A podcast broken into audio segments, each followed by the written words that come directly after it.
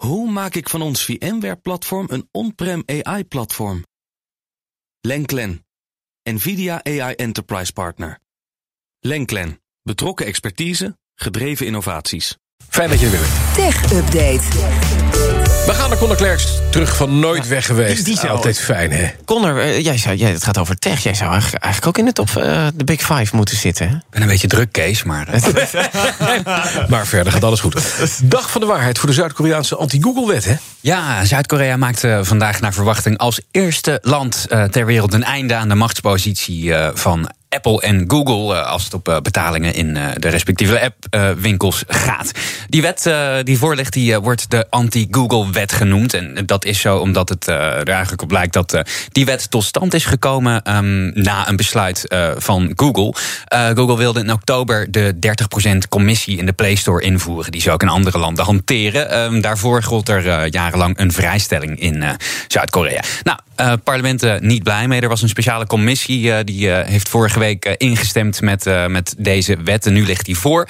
Ehm, maar ja, het heeft er alle schijn van dat die eh, ook gewoon door het parlement gaat komen Ja. vandaag. Kijk aan. En is dat zo? Nou, dan kan een bedrijf, zeg bijvoorbeeld Epic Games, de maker van Fortnite, in hun spelletjes, maar het zou ook in andere apps kunnen, ehm, klanten direct kosten in rekening gaan brengen zonder dus. Dat ze die 30% hoeven afdragen Ja, En, dit en Google gaat, zitten er niet meer tussen. Dit is wat Epic Games wilde. Wilde, waarom dus precies. nog steeds van die zaken in Amerika lopen. Ja, ja, maar dat is, dit dus met worden gekeken naar de, door de Amerikaanse rechter ook. Wat er in Zuid-Korea gezegd wordt worden door de collega's. Ja, zeker. En daar is Ehm, internationaal aandacht voor. internationaal aandacht. Ik bedoel, in de VS zullen, zullen ze hier zeker naar kijken. Nou, eh, oké, hoe loopt die, eh, die uitrol van die wet? Eh, zijn daar nog problemen? En eh, ja, hoe wordt erop gereageerd? Ehm, en dat zal in de EU niet anders zijn, want hier lopen natuurlijk ook nog allerlei zaken. Als het gaat over de macht van Apple en Google en hun app stores. Nu heeft Samsung natuurlijk ook heel veel macht in Zuid-Korea. Dus dat is dan ook wel weer zo. Die, die zie ik hier niet in genoemd. Nee, ja, ja, Samsung heeft niet een eigen, Nee. Eh, eigen ecosysteem eh, om, eh, om apps Of mee in te ieder geval kopen. Die niet- niet sterk alles- genoeg. Nee. Nee, ja, nee, die draait gewoon op Android. Dus Ja, dat- is precies. gewoon, het gaat allemaal naar Google. Dan eh, de baas van T-Mobile is een beetje T-humble hè, over dat grote datalek. Ja, The Verge schrijft eh, Ja. vanmorgen dat Mike Sievert, eh, de grote baas van T-Mobile, zegt dat het eh, grote datalek, eh, ehm, wat onlangs aan het licht kwam, gedicht is. Maar dat de enige nederigheid T-Mobile gepast is. Dat had nooit mogen gebeuren, zegt hij.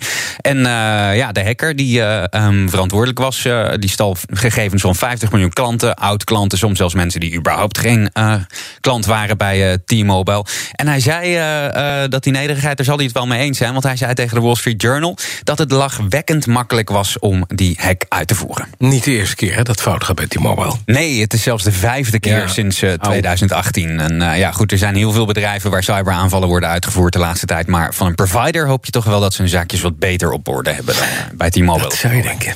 Dan gaat Australië techbedrijven die zich in de financiële markt mengen strenger reguleren. Dat is kennelijk, ze hebben het goed eh, de smaak te pakken als het gaat om eh, big tech. Hè? Ja, Australië gaat eh, eigenlijk voortvarend door met de strijd tegen de grote techbedrijven als het om regulering aankomt, lijkt het wel.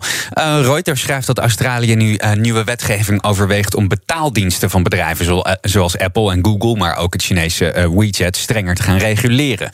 De minister van Financiën, dat is Josh Frydenberg, die zegt, eh, ehm, die zegt dat nadat er een rapport kwam en opdracht van de overheid om te kijken of die betaaldiensten die eh, eh, draaien nu in Australië, of die met de tijd meegaan en, en ook met de wisselende behoeften van klanten. En eh, diensten zoals Apple Pay, Google Pay, WeChat Pay, die zijn heel hard gegroeid de afgelopen jaren. Maar formeel zijn die eh, door de overheid niet aangemerkt als betaaldiensten. En daardoor komen ze in een soort grijs gebied Ja, ja. als het op eh, regulering aankomt. Dan dat is net als hier. Financiële regulering is heel erg streng. En eh, op andere gebieden, op plekken waar techgebieden waar zeg maar nieuwe te- technieken worden ontwikkeld. Zoals zijn, blockchain eh, zoals en al die crypto's. ja. Dat is nu pas eigenlijk Ja, gekomen, die precies. Daar is, Ja. daar is vaak nog een beetje een grijs gebied. En Frydenberg die zegt er het volgende over. Als wij niets doen aan de huidige regels... dan wordt het Silicon Valley die in hun eentje kan bepalen... hoe de toekomst van onze betaalsystemen eruit ziet. Dat is eng. Dat is eng, eh, onwenselijk, Ja. zegt hij. eh, want ja, het blijft een kritiek Ja. onderdeel van de economische infrastructuur. Zit wat in. Dankjewel, Conor Klerks. De BNR Tech Update wordt mede mogelijk gemaakt door Lenklen. Lenklen. Betrokken expertise, gedreven resultaat. Hoe vergroot ik onze compute power zonder extra compute power? Lenklen. Hitachi Virtual Storage Partner. Lenklen. Betrokken expertise, gedreven innovaties.